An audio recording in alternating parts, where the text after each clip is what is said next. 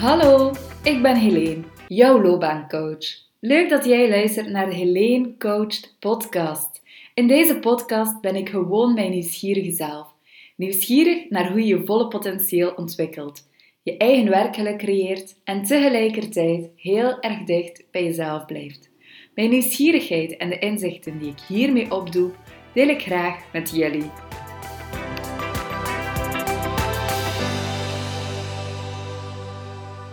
Hallo en welkom bij een nieuwe podcastaflevering van Helene Coached. Ik ben zelf eigenlijk heel enthousiast over deze aflevering. Um, in deze aflevering vertel ik je over kwaadheid.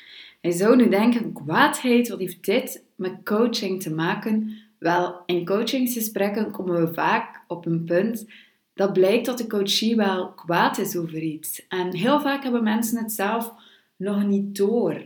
Ehm, ik merk in onze samenleving, het is feit, dat er nog heel veel taboe heerst over kwaadheid. En tegelijkertijd heb ik zelf het afgelopen uh, half jaar echt ontdekt wat kwaadheid nu eigenlijk is. Ehm, en eigenlijk vind ik het een heel mooi gevoel. En in deze podcast wil ik dan ook uh, een steentje bijdragen in het normaliseren van kwaadheid. Want eigenlijk is kwaadheid een heel normaal gevoel. Maar we kunnen er niet goed mee om. En dan heb ik het zowel over de persoon die het zelf voelt, als de omstaanders.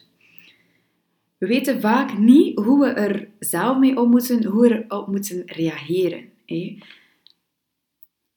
Wat is kwaadheid nu eigenlijk? Kwaadheid bestaat op een heel breed continuum.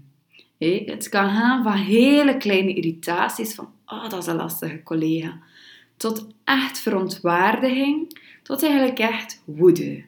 Ja, let op, ik noem hier niet agressie. Woede, kwaadheid. Oké. Ik heb kwaadheid al heel vaak geobserveerd in de werkvloer. Ik weet niet bij jou, maar ik heb het al heel vaak gezien. Ik heb het ook zelf al ervaren en heb ook al ervaren dat het soms moeilijk is om ermee om te gaan. Ik zal een voorbeeld geven. Wanneer uh, word je kwaad op de werkvloer? Je doet iets wat je niet wilt doen. Bijvoorbeeld, een collega raakt niet rond, um, heeft een ruim takenpakket, net als jij, maar hey, een taakje zou jij moeten doen. Je wil het eigenlijk niet, want je zegt, mijn werk moet voorgaan. Ik heb ook nog veel dingen op de planning. Je hebt misschien net wat rapper gewerkt, waardoor je wat vroeger klaar zou zijn. Um, eigenlijk wil je het dus niet. Van binnen denk je, oh nee. Maar hey, je beleefde zelf, je professionele zelf zegt, ja, ik ga dat doen. Op dat moment voel je vaak zo'n klein beetje vrevel in jezelf, een beetje weerstand. Nu, als dat bij één keer blijft, dan is dat niet zoveel. Maar wat gebeurt er heel vaak? Die situatie is één keer voorgekomen. De week erna is dat opnieuw zo. Dan denk je, oh, lap weer al. Hey, ja. Je zegt nog altijd ja, maar je nee, dat je denkt van, ah, dat ga ik nu toch niet doen, wordt al groter. En dat gebeurt niet twee keer, maar dat gebeurt drie, vier, vijf, misschien zes keer op een maand tijd. Dus iedere keer voelde hij jezelf wat groeien en denk je, maar is die daar nu weer? En wat gebeurt er? Plots barst ik uit tegen die collega.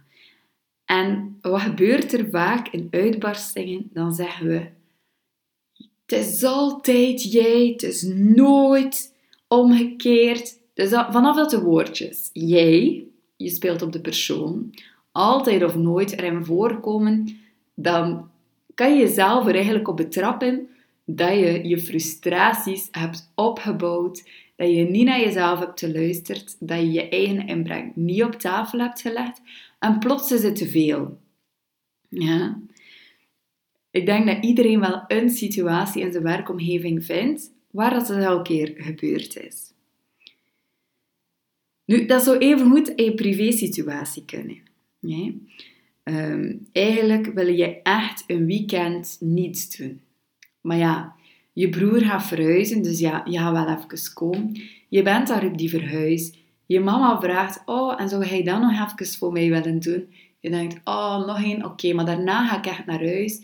Je komt thuis En dan belt er een vriendin van, oh, we gaan het toch echt wel iets doen vanavond. Je denkt, ja, het is wel echt heel lang geleden dat we elkaar gezien hebben, dat we nog een keer tijd hebben gehad.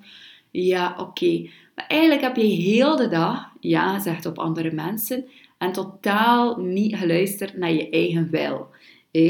Ehm, en ik wil ook niet zeggen, en dat is zeker niet de oplossing, dat je altijd je eigen zin moet doen. Maar het gaat er wel om als je voelt dat je constant meer vrevel ervaart, meer irritaties voelt groeien, dat je wel een keer naar binnen kijkt en denkt van, ah, wat, heb, wat kan ik hier uit deze situatie een stukje leren? Oké. Dus zowel op werkvlak als privévlak kan je kwaadheid ervaren. Ja, maar eigenlijk, en daar ben ik mee begonnen, is kwaadheid een heel mooi gevoel.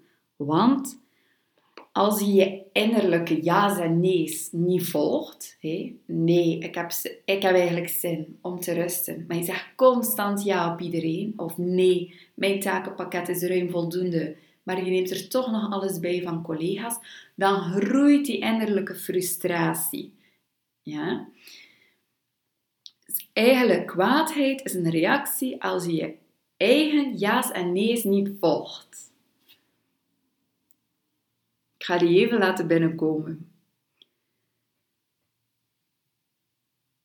Dus wanneer je kwaad wordt, vind ik het een uitnodiging om echt een keer uh, te kijken naar wat denk ik nu, wat voel ik nu, waar verlang ik nu naar. Hey. Want met kwaadheid hebben we vaak het gevoel, het overkomt ons, het overspoelt je. Je hebt er niets in te zeggen. En dat is eigenlijk helemaal niet waar. Ik ben er van mezelf op aan het letten dat E echt mijn stopwoordje aan het worden is in deze podcast. Ik doe mijn best om erop te letten, maar dat is met stopwoordjes te sterker dan jezelf. Nu slik ik hem in. Oké, we gaan verder. Nu ben ik wel even mijn draad kwijt. Kwaadheid toelaten. Makkelijker gezegd dan gedaan misschien. Maar je kent het misschien wel, ik heb het vaak ook al op Instagram gedeeld. Kwaadheid kan je zien als een bol. En als je kwaadheid niet toelaat, dan wordt die groter en groter, totdat die plots een keer knapt, hij barst. Wat gebeurt er op het moment dat kwaadheid eigenlijk zo groot wordt, dan verandert het vaak in agressie. En met agressie bedoel ik niet altijd fysiek geweld. Agressie is vanaf dat je iemand aanvalt. En dat kan zeker ook met woorden zijn. Dat zijn hele scherpe woorden. Als het niet agressie is, dan is het ander destructief gedrag. Bijvoorbeeld cynisme, maar zeker ook onverschilligheid. En mensen die zeggen van het kan me niet meer ik trek me er niets meer van aan. Aan mij moeten ze nu echt niets meer vragen, de maat is vol. Ook die heb je misschien al eens horen vallen. Dus vanaf dat kwaadheid eigenlijk ontploft is, geknapt is, hebben we vaak agressie of destructief gedrag. Ook dan, we hebben het aan het voorbeeld ook al tegengekomen, komen we vaak in zinnetjes als jij moet me nu echt rust laten. Zij hebben nu echt genoeg gevraagd. Het ligt volledig buiten jezelf. En die ander is erover gaan en die ander moet nu echt zichzelf inhouden. Het omgekeerde is ook waar. We zeggen altijd, gevoelens moeten gevoeld worden. Als je kwaadheid hebt en je ziet opnieuw een bol voor je en je laat het toe, je kwaadheid mag er zijn, je kijkt ernaar, wat maakt mij nu juist zo boos?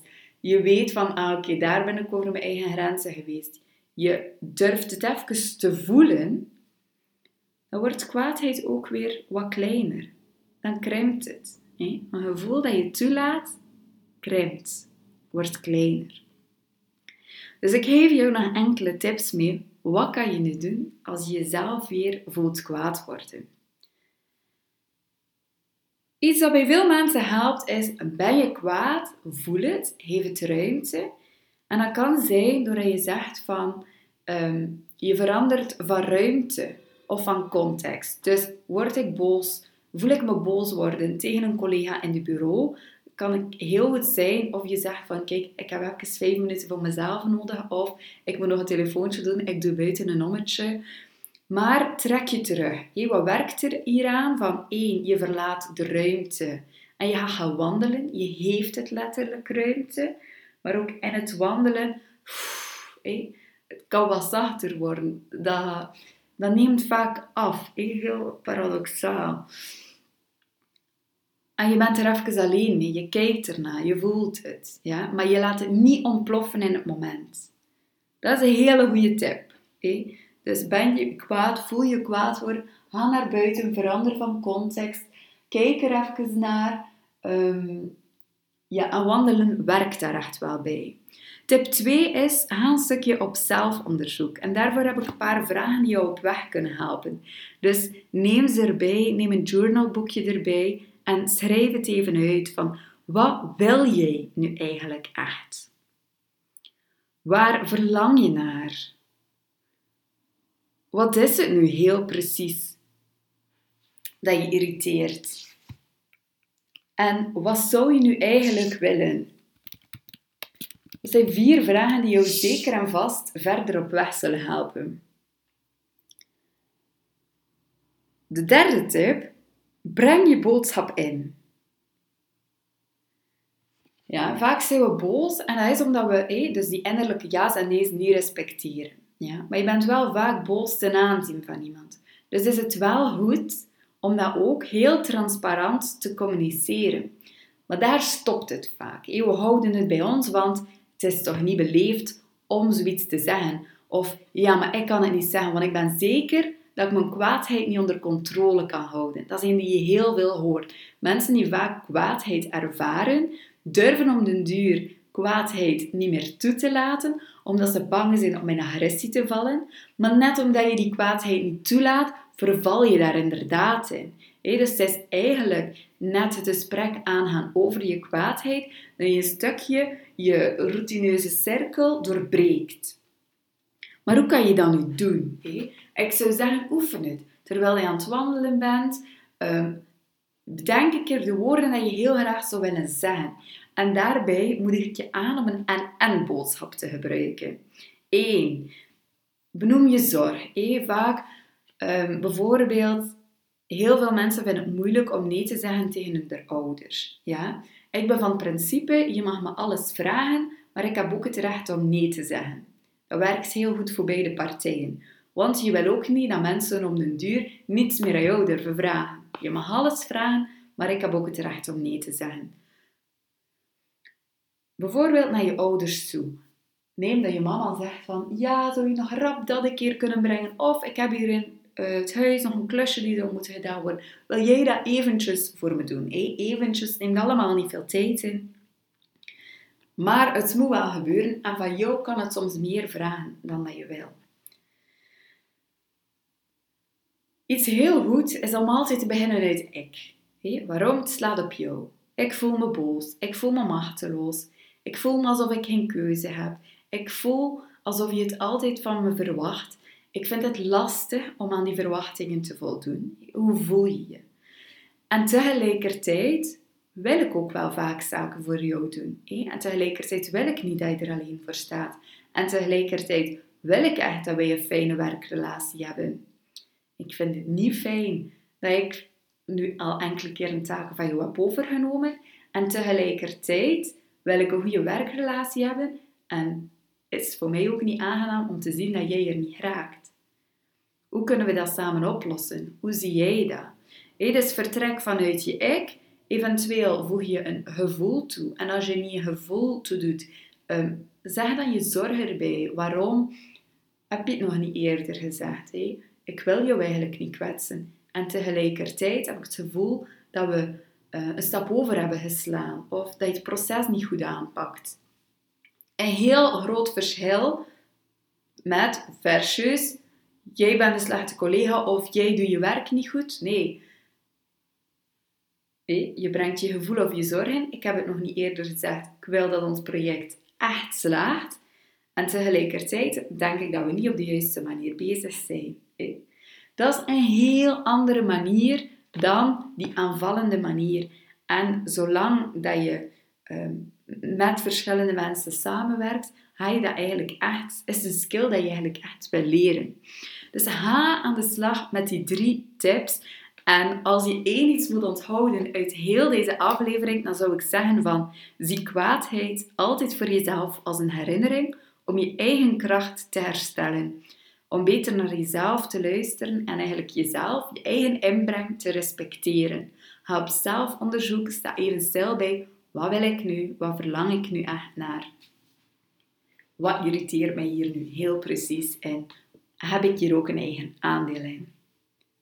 Voilà, dit was de aflevering over kwaadheid. Ik hoop dat je er iets aan gehad hebt, dat het een stukje een eye-opener was. En vooral dat je er ook een keer bewust van wordt bij jezelf en in je omgeving. Um, zodat je kleine stapjes, patronen eigenlijk, kan gaan doorbreken. Zit je hiermee op je werk, in je privé, dat dat heel vaak voor jou naar de bovenhand komt, dan zou ik zeggen, boek zeker een intakegesprek. Dan gaan we samen eens kijken wat we precies voor jou kunnen betekenen, eh, wat jij kan veranderen, hoe je daar beter mee kan omgaan en vooral, wat wil je nu eigenlijk? Wat is nu jouw boodschap dat je eigenlijk een stukje de wereld in wil sturen? Dank u wel om te luisteren en ik hoop dat jij ook mee uh, kwaadheid een normaal gevoel zal vinden. Goed, tot de volgende aflevering.